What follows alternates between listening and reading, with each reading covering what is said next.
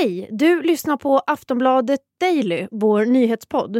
I det här avsnittet ska vi prata med Aftonbladets reporter Natalia Kazmierska som ska berätta om sin granskning av de religiösa friskolorna i Sverige.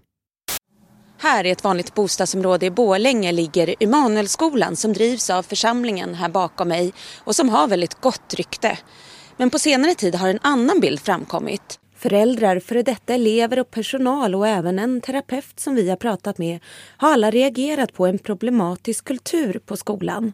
Barn som behöver stöd får inte hjälp, menar de. En del pratar till och med om en sektliknande stämning. Min son upplevde ju ofta att han inte, eller att de som var religiösa, kristna, prioriterades, uppskattades mer, fick mer beröm. Corona är ett straff från Gud. Demoner kan drivas ut genom handpåläggning och locket på vid problem. Det är delar av vittnesmål från personal, elever och föräldrar på Kristna Emanuelskolan i Borlänge. Det är en av de skolor som Aftonbladet tittat närmare på i en serie artiklar som handlar om situationen på några av landets över 60 öppet religiösa skolor. Natalia Kazmierska är en av reportrarna bakom granskningen. Och I det här avsnittet ska hon berätta om det som kommit fram, hur det har varit att granska den här lilla världen och vi ska också komma in på varför just friskolor är så heta i debatten just nu. Jag heter Amanda Hemberg Lind. Det här är Aftonbladet Daily och du är varmt välkommen att lyssna. Vi ska som sagt prata med Aftonbladets reporter Natalia Kazmierska. Och hon ska börja med att berätta om vad som kommit fram om den kristna Emanuelskolan som ligger i Dalarna. Det började med att jag kom i kontakt med en person som hade jobbat på den här skolan som också är med i artikeln. Och hon berättade saker som stack ut. Jag skriver en del om skolor och har tagit del av många anmälningar mot skolor. Ehm, men jag tyckte att det här det var ganska allvarliga saker som, som hon lyfte fram. Om eh, om hur barn eh, hade behandlats med, med handpåläggning och böner och det, det lät väldigt, ja det var mycket som lät väldigt konstigt. Och så började jag titta mer på det här och fick kontakt med fler och fler personer och sammanlagt så har jag nu pratat med kanske 15 personer som på olika sätt har kopplingar eller har haft kopplingar till skolan. För det är ju också så här om man som förälder upptäcker att det är något eh, allvarligt problem på en skola som ens barn går på, då tar man ju ofta sina barn ur den skolan. Så många är ju före detta elever och före detta föräldrar med koppling till skolan som jag har pratat med. Eller före detta anställda. Ja, vad är det för vittnesmål? Kan du berätta mer om det? Handpåläggning säger du. Vad är ja. det som har kommit fram? Ja, handpåläggning är ju ett sätt att be när man lägger händerna på någon och för en slags kraftöverföring eller man ska säga.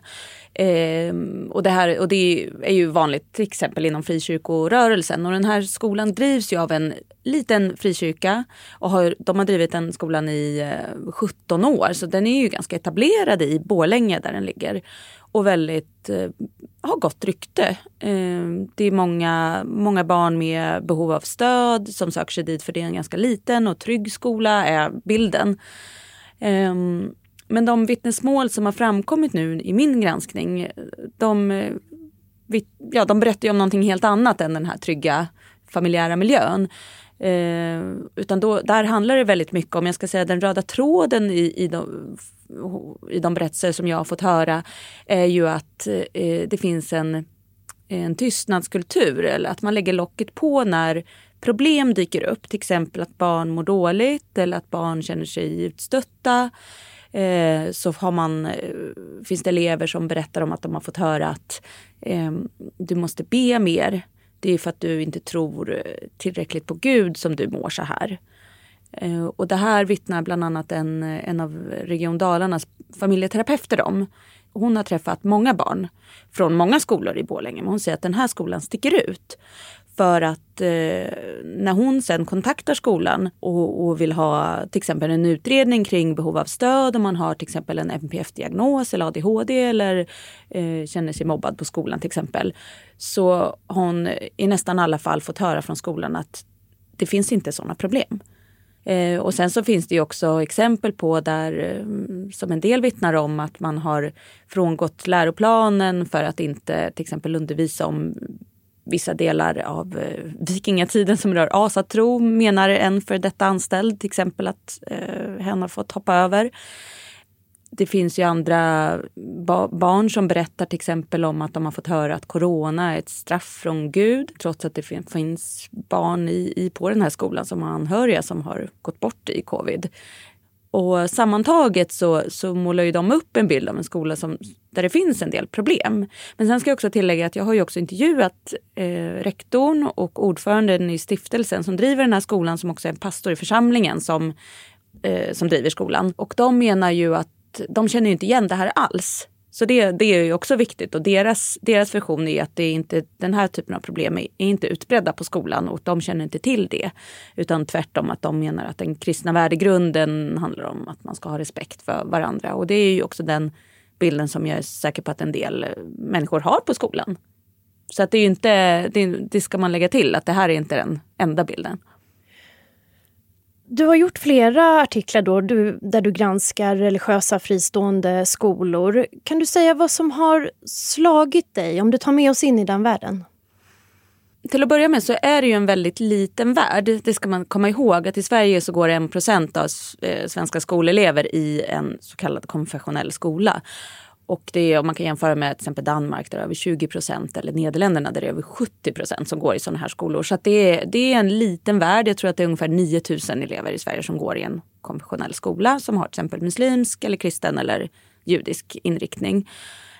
Um, och det, det, Alltså det jag tänkt på i den här granskningen, jag har ju tittat på alla anmälningar som har inkommit mot de skolor som kallar sig konfessionella. Det är också viktigt att poängtera att det behöver man inte göra trots att en skola drivs av, ett, av en religiös, av en kyrka till exempel. Så behöver man inte ange att skolan är konfessionell till Skolverket utan det är frivilligt. Så att det kan finnas skolor som har religiösa eh, huvudmän men som inte, eh, som inte anges som konfessionella. Då. Men de jag har tittat på, det, det, är de som anges konfessionella. Det är ungefär, det är drygt 60 skolor i Sverige idag. Och, eh, och anmälningarna är ju, vad ska man säga? Det, det, de görs ju eh, ofta anonymt och det är ofta människor som uttrycker en stor rädsla för att berätta. Eh, att man känner eh, ja, en rädsla för att på något sätt råka illa ut för att man berättar vad som händer på en skola där man har sitt barn till exempel. Och det här tycker inte jag att jag stöter på när jag tittat på till exempel kommunala skolor eller andra typer av friskolor. Att där, där ser man det som sin rättighet att faktiskt kritisera en skolledning eller säga nu behöver mitt barn mera stöd och så. Men den här rädslan skulle jag säga kanske är lite faktiskt oväntad. Att man, att man känner sån skräck och det är svårt att sätta fingret på varför. Um, hur har det varit att kika innanför portarna? Har det varit lätt eller svårt för dig?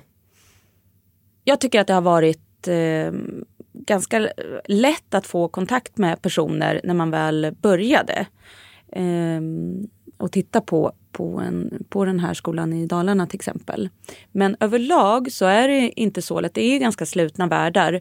Och, och det är ju lite så att de, de personer som inte tycker att skolan fungerar bra lämnar ju ofta den. Eh, så att man är ju inte kvar där för att... Man orkar kanske inte höra av sig till myndigheterna och starta en konflikt kring en skola som man ändå tänkte lämna. Så att det är ju lite den där problematiken att antingen är man kvar på skolan och då tycker man ju oftast att den är bra. Eller så lämnar man skolan och då man bryr sig inte om att kontakta media och säga att saker är problematiska. Så, att, så de personer som jag har haft kontakt med måste jag säga har varit väldigt, eh, jag är imponerad av deras mod och civilkurage att vilja berätta om vad de har varit med om trots att många av dem inte är kvar på skolan. Och från eh, de som, som har de här skolorna då? Um, nej men där är det ju där kan det vara ganska svårt att få till exempel en intervju. Eh, och det ställs väldigt mycket olika villkor.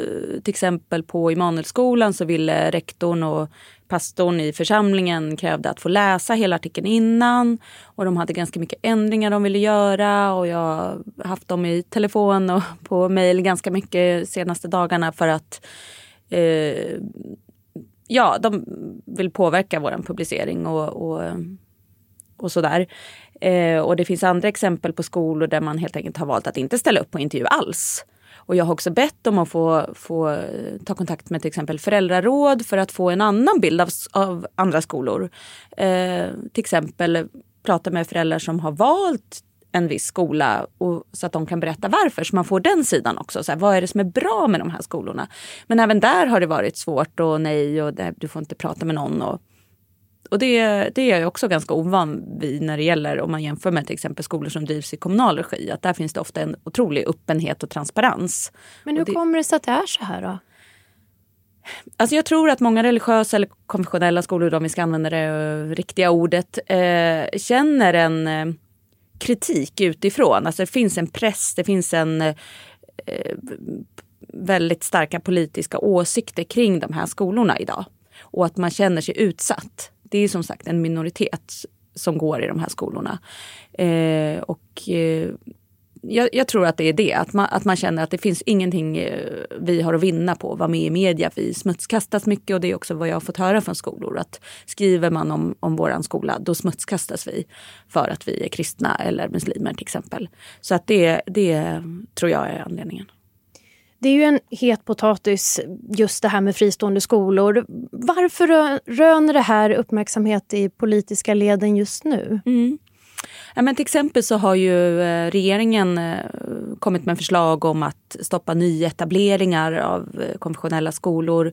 Eh, absolut är det på, det är verkligen på, på agendan kan man säga och jag tror att det handlar om att jag tror att det handlar om att man vill visa att man eh, tar hårda tag mot eh, islamism helt enkelt. Att det är på grund av de muslimska skolorna man lyfter sådana här förslag idag. För jag menar många av de här kristna skolorna har ju funnits i decennier utan att man har eh, gjort någonting åt dem. Man ska säga. Men medan de muslimska skolorna har växt senaste tiden och det har också avslöjats flera eh, ganska allvarliga fall av extremism på en del skolor. Bara de senaste tror jag, fyra månaderna har man stängt fem muslimska skolor i Sverige. Så det finns inte så många kvar som, som drivs av eh, muslimska samfund eller eh, i muslimsk regi. Um, Eh, så, det, så det tror jag, att det är, man vill visa att man, man, tar, mm, man är beredd att gå med hårdare tag mot islamism och extremism. Och man vill också visa att det här är ett sätt för oss att bedriva integrationspolitik. Att det är de muslimska barnen som man tänker på. Så att jag tror i de här förslagen så är det inte direkt de kristna skolorna som är i fokus. Hela friskolevärlden, hur kommer det att bli framöver? Jag tänker att finns det någon risk att de här eh, exemplen kommer att fläcka ner för hela friskolovärlden? Eller kan du säga någonting om vad, vad, det, här, eh, vad det skulle kunna innebära för friskolovärlden framöver? Ja, men det som har varit intressant för mig i den här eh, granskningen, förutom att då visa på de uppenbara brister som finns på en del skolor, inte alla skolor ska man säga, utan en del, eh, är ju Alltså jag tycker det är intressant hur, om man då är en, ett, ett samfund eller en församling med en väldigt stark tro och åsikter, till exempel som den här skolan i Bålänge där församlingens åsikter är att eh, homosexuella inte kan ingå äktenskap till exempel eller inte ska göra det. Eh, för att äktenskapet är vikt åt man och kvinna. Hur, var går då gränsen mellan den här församlingens åsikter och skolan. Hur kan man driva skola på kristen eller muslimsk grund utan att religionen tar för stor plats? Det där är ju en, en, en fråga som man har brottats med säkert mycket på, i, på de konfessionella skolorna och jag tycker det är, är bra att det kommer upp, så här, den debatten. Var, kan man dra en gräns? Ehm, och var ska den gå? För de följer ju samma läroplan som alla andra skolor. De får samma skolpeng som alla andra skolor så det är ju ingen skillnad på det viset. Men däremot så finns ju det här religiösa inslaget som är begränsat i lag då att man får ha en timme kristendomsundervisning i veckan till exempel eller en lektion.